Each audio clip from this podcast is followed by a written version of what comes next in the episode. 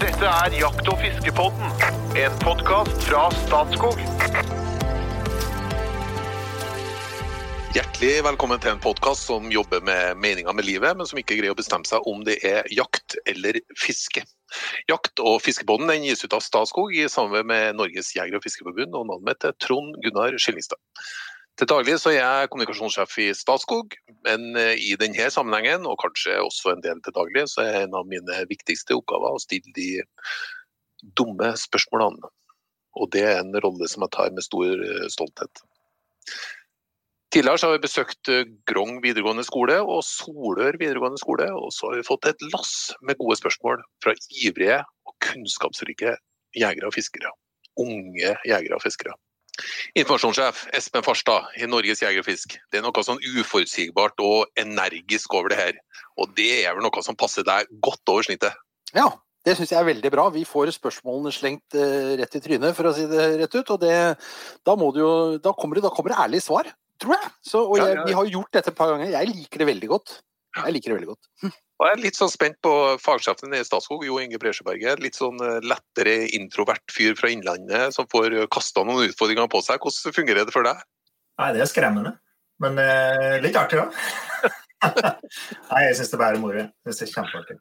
Og jeg håper de merker det òg, at eh, vi er helt uforberedt. Ja, og denne eh, gangen så har vi besøkt eh, landslinja for sportsfiske. Det er ikke sikkert alle vet at den eh, eksisterer, men det er en linje som tilbys på Grong videregående skole.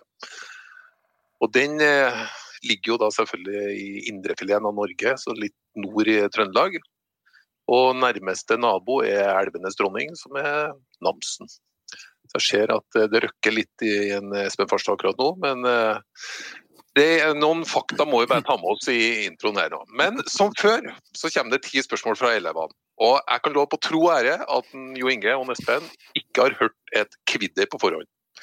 Og som en Espen pleier å si, vi skal jo lage god radio. Så her kommer det kasta på.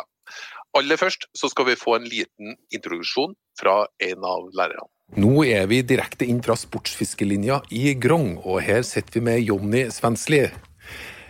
Kan du fortelle litt om hvilken funksjon sportsfiskelinja har?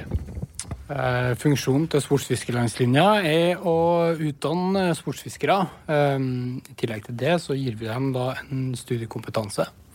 Eh, Vi, vi dekker sånn fiskefaglig, så dekker vi over et ganske stort felt. Vi er innom fluefiske, vi er meitefiske, vi driver med roing, naturlig nok, når vi holder til i Namsen. I nærheten av Namsen i hvert fall. Og ja, generelt det gaper over ganske mye i forhold til det. Hvilken type ungdommer er det som eh, kommer til denne linja? da? Da er det ungdommer fra hele landet. Så det er øst og vest og nord og sør. Og da er dere ute og fisker i hele tida. Ja, da er vi i snitt 18 dager i uka. Um, nei, 18 timer i 18 dager i uka, det er veldig effektivt! bare. Helst har vi ville vært der 18 dager i uka. Nei, vi er på snitt er på 18 timer i uka, og så er vi da eh, Resten er fellesfag. Men det, det blir da ploga litt, så høsten eh, fra august og utover til november så har vi ganske intensiv sesong med mye, mye fiske.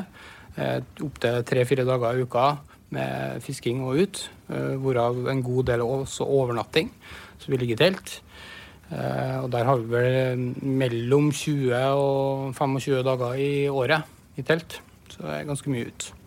Og så når vi da kommer på november-desember, så går vi mer over på fellesfag og skal da dekke studiekompetansen. Ja, for dette er ei linje der du kan drive mye med fiske, samtidig som, som du får generell studiekompetanse.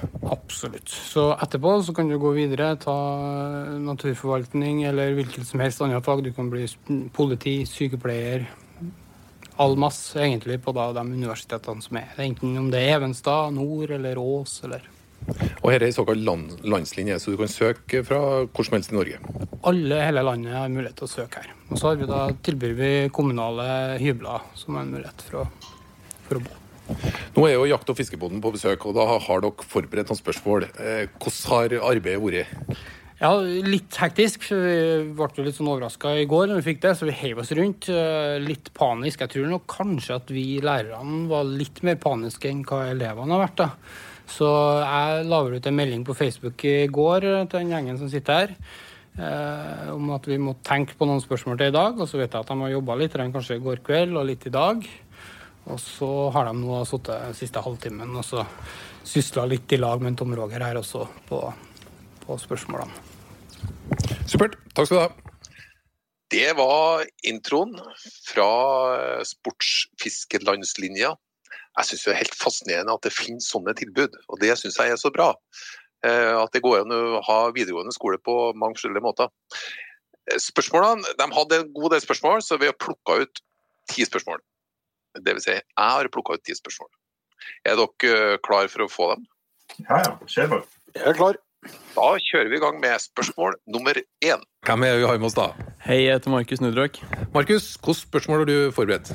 Jeg lurer på om dere har merka noen endringer i løpet av de siste åra. Om eh, fiskeinteressen blant unge fortsetter å dale, eller eh, om det er eh, håp om det har blitt noen oppløftninger nå i det siste. Ja. Ja. Ja.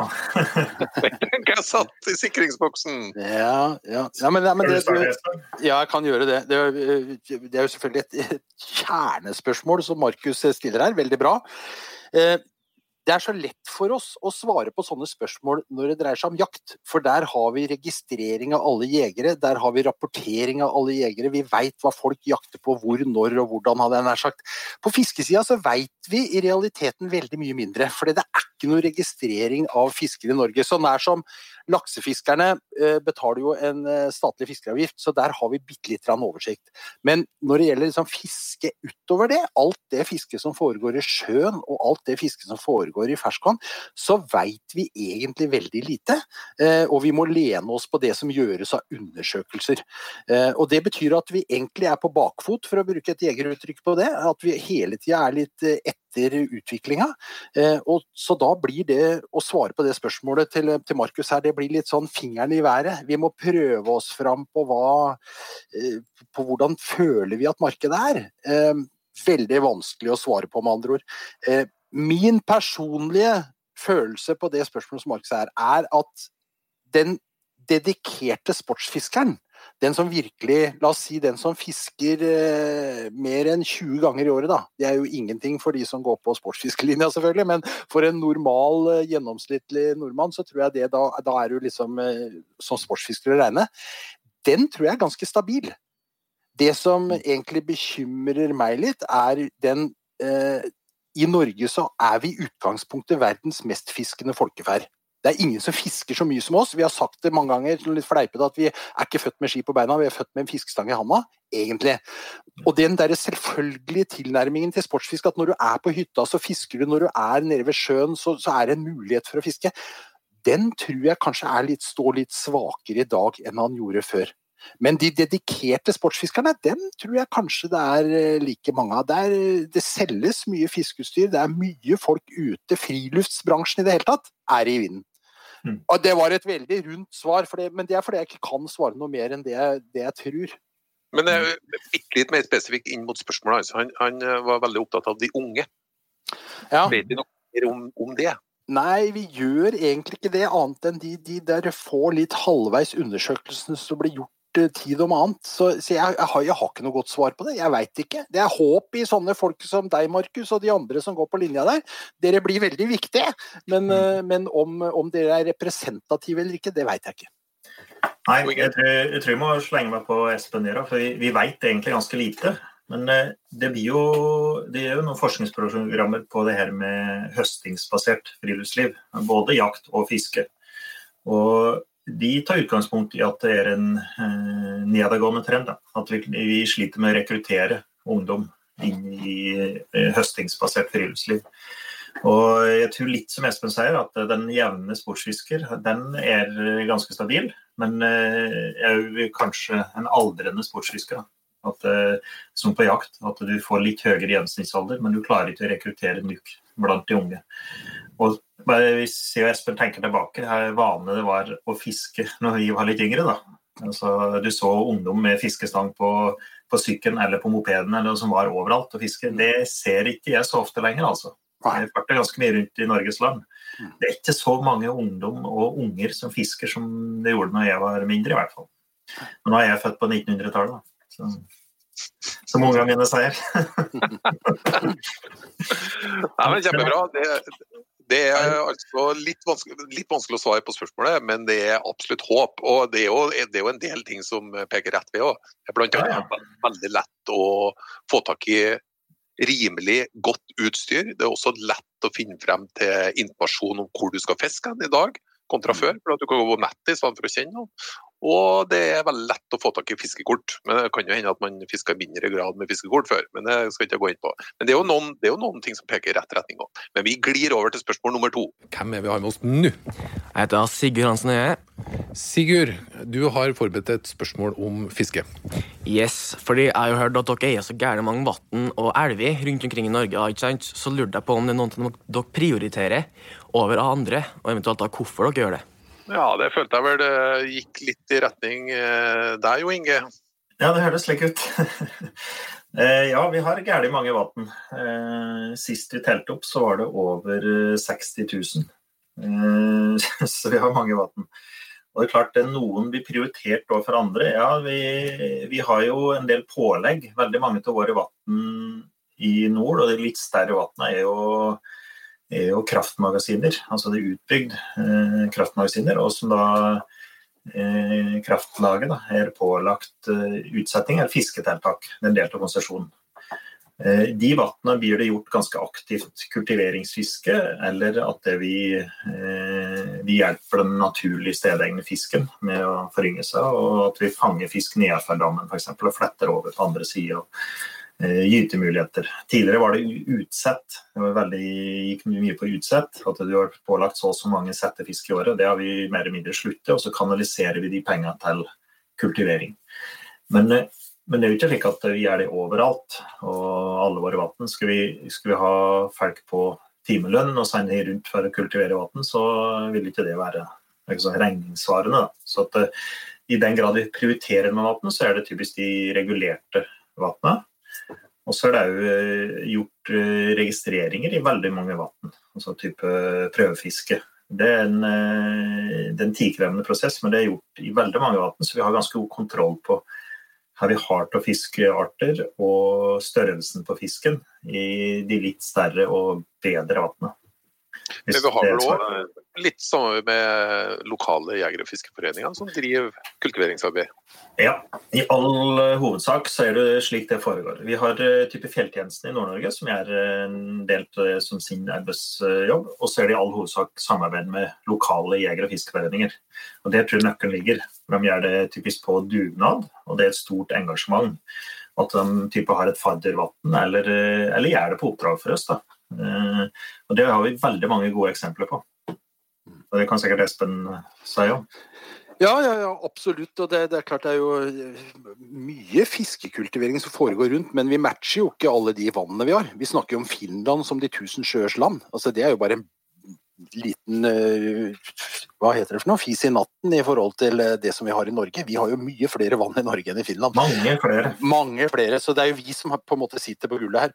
Nei, det med fiskekultivering det er veldig interessant. For vi kan selvfølgelig ikke gjøre noe i alle vanna. Det er ikke noe mål å gjøre noe i alle vanna heller. Kanskje målet egentlig er det motsatte. At vanna skal få lov til å fungere optimalt ut fra sine egne naturlige forutsetninger. Det er, det er jo kanskje den veien fiskekultiveringa i stor grad har gått de siste årene. Så istedenfor å sette ut fisk, så er vi mer opptatt av biotopforbedrende tiltak i vassdraga eventuelt. Prøve å restaurere det vi muligens har ødelagt. Men så finnes det jo unntak, da. Må, eh, for det er en det er liksom ikke enten-eller her. Det er stor forskjell på å drive fiskekultivering i Oslomarka og drive fiskekultivering på, eh, på statsgrunn på Saltfjellet.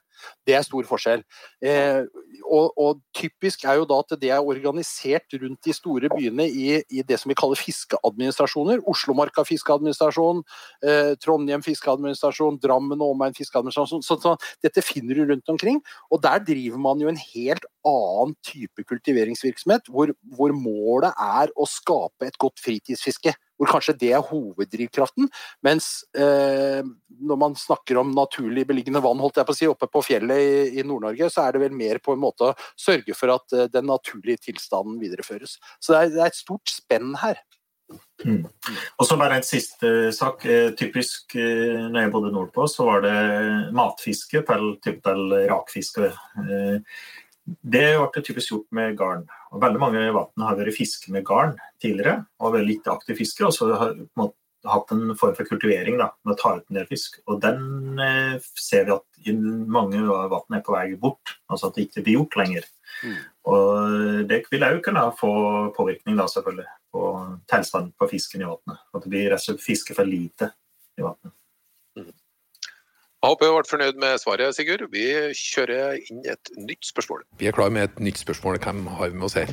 Oskar Solund. Oskar, hvilket spørsmål har du til folket i studio? Jeg lurer på hvilket redskap er det blitt tatt mest fisk på i Norge? Ja, Vær så god! Ja, men vi vet, jo litt, da. For som, som sagt så har vi litt dårlig statistikk på fiske og fiskerne i Norge, men vi har gjort en del undersøkelser opp gjennom åra, og her vet vi jo litt om, om, om fiske, hvor folk fisker, og hva folk fisker med. Og øh, da må vi jo bare si at øh, brorparten av alt fiske i Norge, det skjer i saltvann. Ikke i ferskvann, som man kanskje skulle tro. Det er jo saltvannsfiske som er det store i Norge.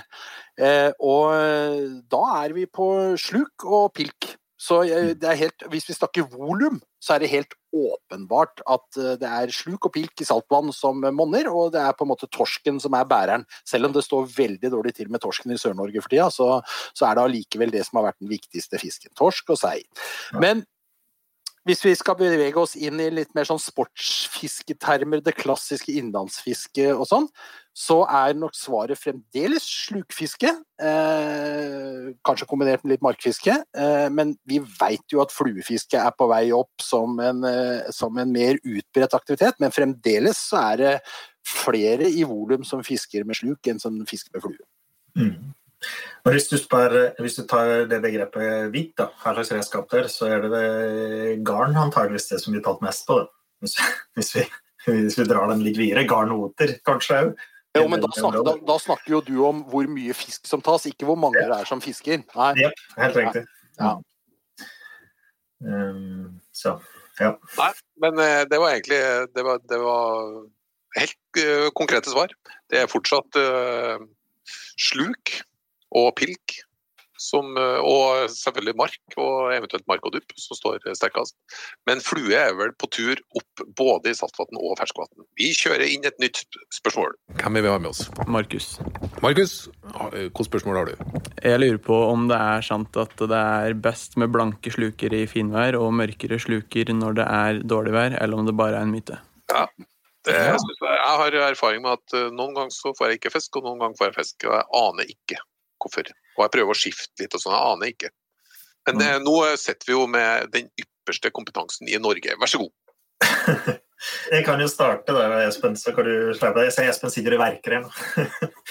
Men eh, det er jo det er litt der typen etablert sannhet. da. Du skal bruke type blanke sluker i klartvær og, og mørke sluker da, i mørkt vær og i merke. Og Det har noe med fiskens syn å gjøre. Eh, Fisker ser ganske bra, men ser bra på kort hull. På langt hull så har de eh, type mer eh, et kontrastsyn, da. de ser kontraster. Det er det vi utnytter her. Det er en blankslukk vi lage kontraster i, i klart vann, og så i mørkt vær, f.eks. Altså på en, en sensommerkveld, så vil det være ganske lyst likevel på himmelen. Og du vil skape en kontrast da, med en mørk sluk. Så det er jo der det kommer ifra. utgangspunktet. Og så til at du først har prøvd det, så det virker, så fortsetter ofte folk å fiske med det som virker. Da. Ja, så det blir selvforsterkende. Ja, det er jo det. Ja. Nei, men det, jeg tror også det er riktig, det ligger mye i det der sånn også.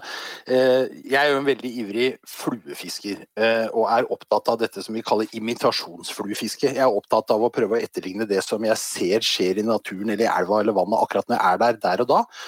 Eh, det har fluefiskerne vært ganske flinke til. Eh, jeg syns slukfiskerne har vært litt, litt, dårligere til det, men her også er det en sånn mer en ny trend på det at man i større grad skal lære seg eh, vannet, biologien, økologien, hva er det som skjer, hva som skjer når, og etterligne det også med sluken. Og da, det er klart at eh, da må vi liksom sette oss i fiskens ståsted og prøve å se på det byttet som vi imiterer da, med sluken vår, slik som fisken oppfatter det. Og da kommer selvfølgelig dette som Jo Inge er inne på med kontraster og slike ting inn. Og det er klart at i et blankt vær, i et blankt vann, så vil jo fisken framstå også blank, ikke sant. Og alle fisker som vi kjenner er jo helt lyse i buken og mørke på ryggen, og så er de, har de ulike grader av farger og nyanser på sida, men veldig mye byttfisk er jo blank. Så, så eh, at det er sølv, eh, møresilda sølv eh, som liksom går i mange altså Dette er en klassiker, ikke sant? Sånn vil det alltid være, tror jeg. Tror jeg er riktig. Vi går videre. Et nytt spørsmål er under oppseiling. Hvem har vi med oss her? Eh, Øyvind. Øyvind, hvilket spørsmål har du? Jeg lurer egentlig bare på med såpass mange elver og vann som finnes i Norge, hvordan dere da holder styr på og finner ut av om det er noen bakterier eller parasitter som driver og angriper fisken? Ja, det var en interessant eh, problemstilling som eh, jeg skal overlate til dere. Er Veldig behagelige funksjoner. Ja, eh, generelt så er jo både fisken og viltet i Norge jeg skal si, frisk. Da. Jo, vi har forholdsvis lite vilt- og fiskesykdommer, men det er klart eh, Tenker på liksom gyrodactylus, som vi har hatt i, i lakseelvene våre, eller eh, om det er lakselus eller ikke, så er jo typisk det vi rapportert. Da. Det er jo, er jo sportsfiskere kanskje den flinkeste, der de rapporterer når de oppdager ting som er uvanlig. Og Det gjelder jo fagmyndigheter på, likt, da. Eh, både Mattilsynet og Veterinærinstituttet. Så, så, det er jo typisk at det blir rapportert, og så til rette fagmyndighet. Og så er det slik vi oppdager det, eller at vi skjelver ved f.eks. ved prøvefiske. Eller at kunder rapporterer til oss. da. Dette var, dette var, et veldig interessant spørsmål, Eivind. Og veldig, at det er så hyperaktuelt at du aner ikke. Nå skal jeg nemlig fortelle at jo, men, men dette, er, dette, er, veldig viktig. For vi har som sagt veldig mange vann og vassdrag i Norge. Eh, vi har mange sportsfiskere som er der ute. Det betyr at vi er førstelinjefolket der ute, som først kanskje oppdager at det er noe gærent, hvis det er noe gærent i et vassdrag. ikke sant? Vi hadde et eksempel på det i fjor. Berbjelva i Østfold. Eh, som er en av våre nasjonale laksevassdrag. Ei viktig elv. Eh, her, Dagen før de skulle begynne fiske der nede, så oppdaga de plutselig at det var sjuk fisk i elva. Og dette greip om seg. Svære lakser, Det var de store laksene, lakser på 13-14-15 kilo, som ble sjuke. De hadde fantastisk kondisjon. De hadde K-faktor på liksom 1-4-1-5 og sånn. Smellfeite fisker. Blei sjuke og døde. Og, og, hva gjør man da? Det er jo sportsfiskerne som oppdager dette. Jo, de begynte jo da å varsle de de kunne, ikke sant han, lederen i Arbeidernes jeger- og fiskeforening nede i Halden, han endte opp med å ringe til Mattilsynet, som er et stort, mangehodet troll i denne sammenheng. Han endte opp hos en saksbehandler i Bergen som litt fortvila spurte vår mann i Halden ja, hva gjør jeg nå? Altså Systemet fungerte rett og slett ikke, og dette opplever jo vi ofte. Men nå er det slik at Veterinærinstituttet og Mattilsynet i fellesskap lanserer en app før 1.6 i år, altså før laksesesongen braker løs for fullt i elvene, hvor man kan rapportere inn syk fisk. Slik at de kan se om dette er dette en sykdom, er det en parasitt, er det et selangrep, er det lakselusskader, eller hva det er. At vi får en kvalitetsmessig bedre behandling av de varslene som vi eh, kan stå for ute i elvene. Så Merk dere det. Det kommer en app. Følg med på Jeger og Fisk sine hjemmesider, så skal dere, vi lansere og informere dere om det selvfølgelig når det kommer. Last ned den, spre det blant sportsfiskere, så blir vi enda bedre varslere for fiskehelse over det ganske land. Kjempebra. Nytt spørsmål på tur inn fra Markus Nødrøk. Hvilket spørsmål har du? Jeg lurer på om eh, det har mindre å si hvordan sluken, flua, wobbleren ja, hvordan den ser ut, farger og utseende på obleren når det er mørkt. Om det da går mer på lukt og vibrasjoner i vannet. Ja, vi har, vi har jo vært litt uh, inn på det, men uh, Espen, du, du ja. er på? Ja, jeg er veldig på her. for dette, jeg, dette er jo så et interessant og godt spørsmål. Relevant. Når du står og fisker og fisker og ikke får fisk, så kommer det jo sånne tanker opp i huet. Hva er det jeg gjør feil, og hva er det jeg gjør riktig? Men jeg, som sagt, jeg er litt ivrig fluefisker, og jeg har jo etter hvert oppdaget at mye viktigere enn å imitere f.eks. insektet da, eller, eller, fisken eller byttedyret helt eksakt, er hvordan bevegelsesmønsteret er, hvordan jeg fisker det. Det er viktigere. Så jeg vil si at fargen veldig ofte er underordna hvordan sluken eller flua går i vannet. At den imiterer bevegelsen riktig. Det som skjer. For en fluefisker er det jo typisk at eh, du fisker under en eller annen klekking f.eks. av vårfluer, da, som stiger opp til overflaten, og så klekker de i overflaten og kanskje svømmer inn til land. Da blir liksom det der bevegelsen som skjer i overflaten, det som bryter overflatefilmen, den bevegelsen bortover, det er mye, mye viktigere enn farge og sånne ting er min erfaring. Og jeg tror det samme gjelder sluk. Hvis du fisker eh, på kveldstid etter sjøørret på litt grunne områder, eh, at du har valgt en sluk med stor overflate som du kan fiske sakte, og som vingler, og som du kan fiske over grunne områder uten at den går rett i bånn som er stingsild og setter seg fast hele tida. Dette er viktige tanker når du skal eh, fiske effektivt på de rette stedene. Mm. Ja. Og det, det, er jo nok en gang eh, det vi pratet om sted, det med kontraster. Og så er det jo Vi imiterer jo, som Espen sier, vi imiterer jo byttefisk. Og da er det, da er det om å gjøre å gjøre det ikke noe så likt som eh, en byttefisk, men gjøre så at du trigger fisken til å bite. Og det kan jo være at denne byttefisken er skjener litt mer enn normalt, eller at han er, ser litt sjuk eller skadet ut. Altså det er enkelt bytte for fisken. Det er lettere å ta den, ikke sant? Altså, han prøver eh, Fisken vil jo bruke minst mulig energi på å få inn energi. Og da er det jo, hvis det kommer en, en byttefisk som ser ut som er litt skadd, eller som eh, vingler litt mer enn normalt, så kan det være nok til å trigge tauet. Så det er kanskje like mye som Espen ser på bevegelsen som utseendet. Jeg husker, jeg husker eh, Jeg tror det var en bok som heter Knut Rom, som skrev en bok mm. etter 'Ørret med stang og snøre'. Eh, og jeg tror det var der jeg, jeg rappa den på biblioteket da jeg var liten, og jeg har den enda. Jeg har fått tilgivelse fra biblioteket. Jeg lå under dyna sant, og leste den her om igjen og om igjen og om igjen. Jeg var så fascinert av denne verden. Og han brukte en del sånne maleriske ord og uttrykk. F.eks. dette med slukfiske, sånn som vi snakker om nå. Så sånn at sluken skal ikke gå nedover gata, han skal sjangle som en full mann. Sånn. Ja, og det, det, skjønte jo jeg som liten, at ah, ok, det er sånn det er, liksom. Ja. Det, det kom et lite stikkord i spørsmålet. Lukt. Hvordan er det med fisk og lukt? Luk, lukter de godt under vann? Ja, det gjør det. Ja, fisken har faktisk ganske bra luktesans og smakssans. Den klarer å skille mellom beskt og surt og bittert og søtt. Så eh, Ålen f.eks. har den beste luktesansen av de fiska vi veit om.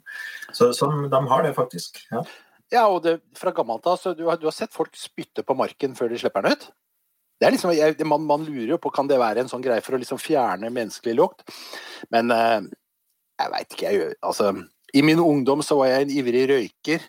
Og da, Hvis jeg ikke fikk fisk, så begynte jeg å lure på var det fordi jeg lukta røyk. liksom, Mens andre ganger så grisebanka jeg og kameraten min med å få mye mer fisk. Jeg tenkte at det er bra å røyke mens jeg jeg veit ikke det med lukt. Hva kan lure.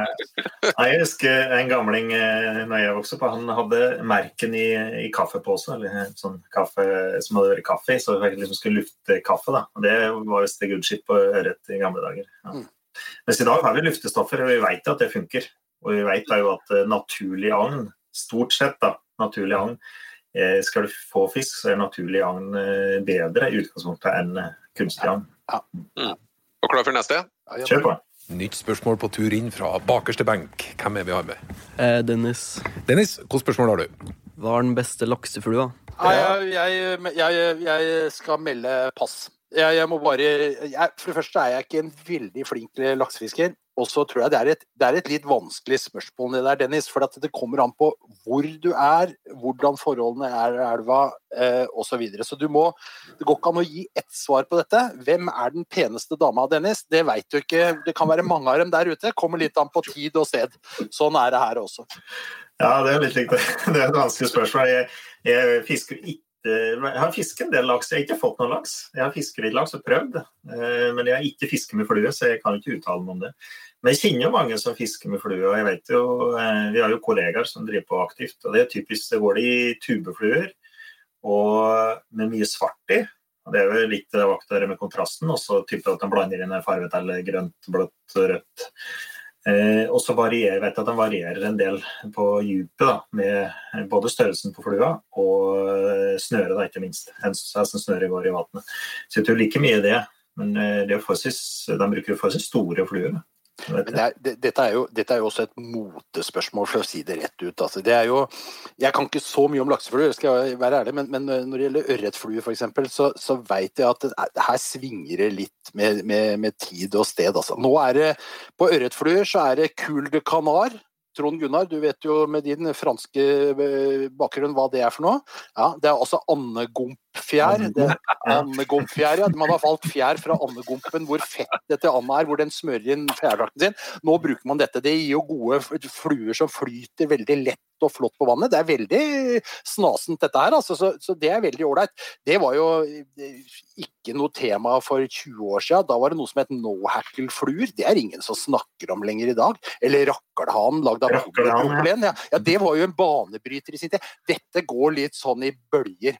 Så mitt råd til Dennis er du, lag din egen flue, finn din egen flue. Har du trua på den og fisker så får du fisk. Ja.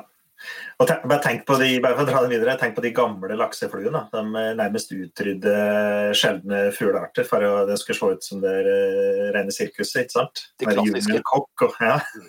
Mer eller mindre utrydde sjeldne fuglearter for å få dere fjørene, Og det var det eneste som gjaldt. ikke sant? Det Litt snobbete fiskere. Jeg tror som Espen sier, du må finne din flue og så fiske med den, så får du jo fisk. Det tenker jeg skjedde i aller høyeste grad òg, rett attmed der Dennis går på skole. Altså i Namsen, der du fikk engelske lorder som uh, fikk inn fjær fra koloniene Ja. uh, verden rundt. Men Vi glir over til spørsmål nummer åtte. Nå har vi med en Sander, og du har et spørsmål. Hvor mange arter har dere på lista deres? Ja, og nå er vi da på fiske, så jeg har jo en viss forventning av at en Espen kommer til å lede, så vi starter med en Jo Inge.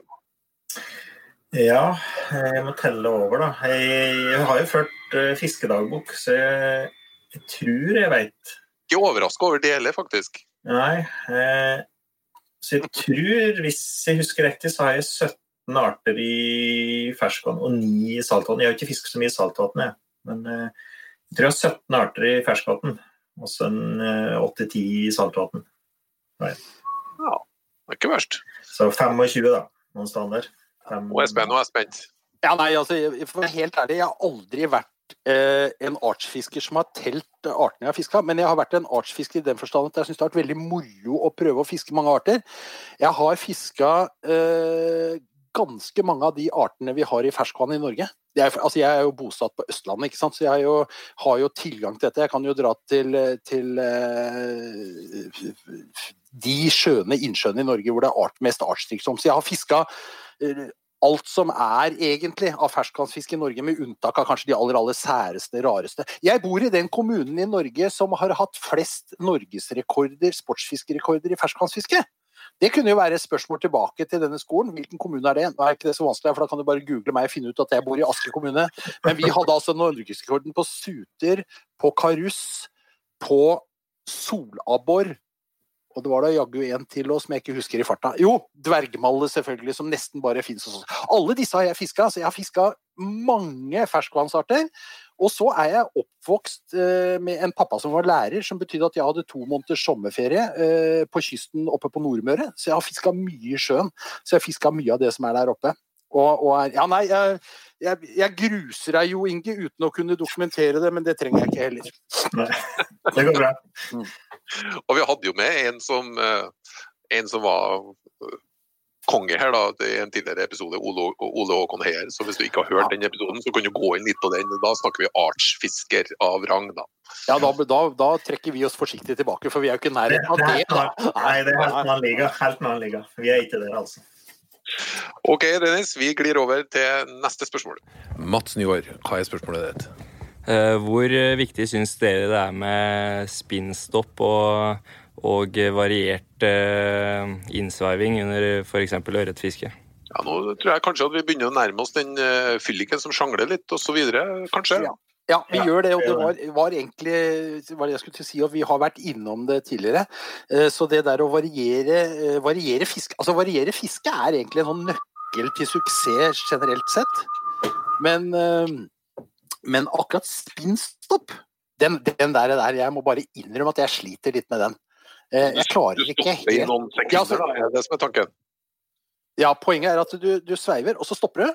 Og så sveiver du igjen. Og det skal da på en måte, da lager du variasjon i innsveivinga. Og ofte så sies det at da skal det liksom trigge fisken hvis den f.eks. følger etter, og så plutselig stopper den, og så starter den igjen. Da, da liksom går den på. Det er jo en logikk i det. Men, men sjøl så syns jeg det er litt vanskelig å få det til, for å være helt ærlig. Men, eh, men litt sånn rykking med stangtuppen, det kan jo gi litt av den samme effekten. Da, sånn at eh, på et eller annet vis så er dette Ja, er, her må man prøve seg fram. Ja, helt klart. Og vi, og vi i Nukkejung da, vi etterligner jo byttefisk.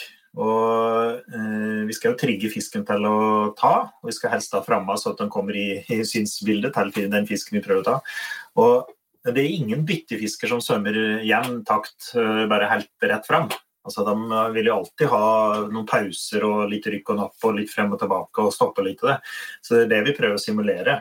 Når vi stopper, så vil jo da en skjesluk eksempel, vil jo da dale nedover i en vaggende bevegelse, og så drar vi i gang igjen. Og så vil den da gå sin gjennomgang. Da.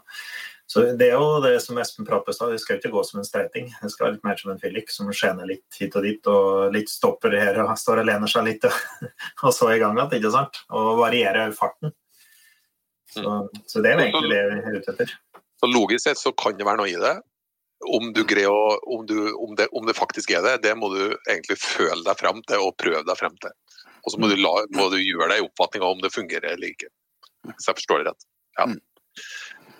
Da har vi kommet til veis ende, faktisk. Det vil si at vi, har, vi er nå klar for det aller siste spørsmålet. Spørsmål nummer ti. Nå er vi på tur til på bakerste penk for å hente inn et spørsmål fra Dennis. Dennis, hva er spørsmålet ditt nå? Fluefiske eller slukfiske, hva er best? La oss starte med Jo Inge. sånn. Oi, jeg er færen å begynne. Ja. Skal, du, skal, du, fiske, skal du få fisk. Ikke sant? Ja. Eh, nei, jeg er veldig fascinert av fluefiske, men jeg har fortsatt til gode å få opp fisk på fluefiske. Jeg er såpass stolt til å kaste med flue at jeg er fortsatt til gode å få opp noe fisk på, på fluefiske. Så jeg fisker jo med sluk, så for min del, hvis jeg må velge mellom flue og sluk, så velger jeg sluk. Det er jeg. Og det er jo litt mer rigg og litt mer org og litt mer kunst eh, fluefiske kontra ei slukstang. Og jeg har, eh, jeg har ei slukstang eh, klar i bilen, f.eks. Det er et tips. Altså, I verste fall så har du ei sammenlengbar stang, så grei kvalitet. Så kan du ha den liggende i bilen eller i sekken. Da har du med den alltid. Så jeg har eh, noen sluker og noen spinnere, og så stanga med meg alltid. Mens fluestangen min er litt mer rigg, altså. Så jeg må velge sluk. ja. Og så glir vi over til musiker Espe Farstad, som danser med fluer. Ja, nei, jeg må jo bare si at altså, Jo Inge er jo usedvanlig passiv. i forhold altså, det, det er jo, Trikset her er jo selvfølgelig bare å ha nok utstyr i bilen. Du har, du har sannsynligvis for liten bil, skjønner jeg, hvis du ikke har plass til en fluestang og en vadebukse, for det må du alltid ha med deg. Nei, altså fluefiske er best, eh, hvis du spør om det. Ikke nødvendigvis for å få mest fisk, eh, for det er jo ikke det viktigste. Nå snakker vi jo egentlig om meningen med livet. Det å kunne nyte nyte øyeblikkene, eh, som det sies. De gode øyeblikkene du har på fisketid, det, det trekkes fra i livsregnskapet ditt når du står foran Sankt Peter. Da har du på en måte benytta tida optimalt. Og da, optimalt, det er jo selvfølgelig det å leve så ett med eh, naturen, fisken, elva, eh, der hvor du er, som du kan. Og det, du kommer liksom ikke tettere på enn med fluefiske. Du imiterer noe marginalt i enden, som kanskje veier brøkdeler av et gram, som du med en elegant fluekast legger fjærlett på vannet 30 meter foran deg. Du ser fisken stiger opp i en helt naturlig bevegelse. Dette, du har jo ikke forstyrra fisken i det hele tatt. Og så kommer taket hvor du tar fisken, og da er det rett fra den fisken der ute 30 meter gjennom en tynn fortom fluesnøre. Ikke noe mekanikk som stopper deg på veien her sånn. Rett i hjerterota. Blir jo ikke bedre enn det. Espen kommer til å leve evig. Jeg gjør det. Nei, det er jo det er, det er fantastisk å høre på. Ja, vi, gjennom ti spørsmål fra, fra landslinja for sportsfiske. Hvordan syns dere det var? Det er gøy. Det er kjempeartig. Jeg synes, vi må gjøre mer av slikt, tror jeg. Jeg synes det er veldig artig. Og jeg må bare si... Og bra spørsmål, da. Veldig Ja. bra spørsmål. Og jeg er misunnelig på disse som, går, som kan få lov å gå på ei sånn landslinje. Det var noe annet enn den derre traurige gymnastida som jeg hadde midt i forrige århundre. Realfag på videregående. Ja. Det er bra. Da begynner vi å nærme oss eh, slutten, så jeg håper at dere følger oss på både Facebook og Instagram. Så må du gjerne abonnere på podkasten på iTunes, Spotify eller andre plattformer som det er. Hvis du har lyst til å hvis du, hvis du finner inspirasjon til å gi oss en anmeldelse eller en rating, så blir vi veldig glad. Både for ris og for ros. Men før vi går helt ned, så er det en liten eh, spørsmål som dere får eh, ett sekunds betenkningstid på. Og Den som skal svare først, er Jo Inge i løpet av ett sekund, og ett sekund etterpå skal Espen svare. Laksefiske, hot or not? Hot. Jo, jo da. Ok, ble poeng til Jo Inge. Takk for følget. Vi er snart tilbake med nye episoder av Jakt- og fiskepodden.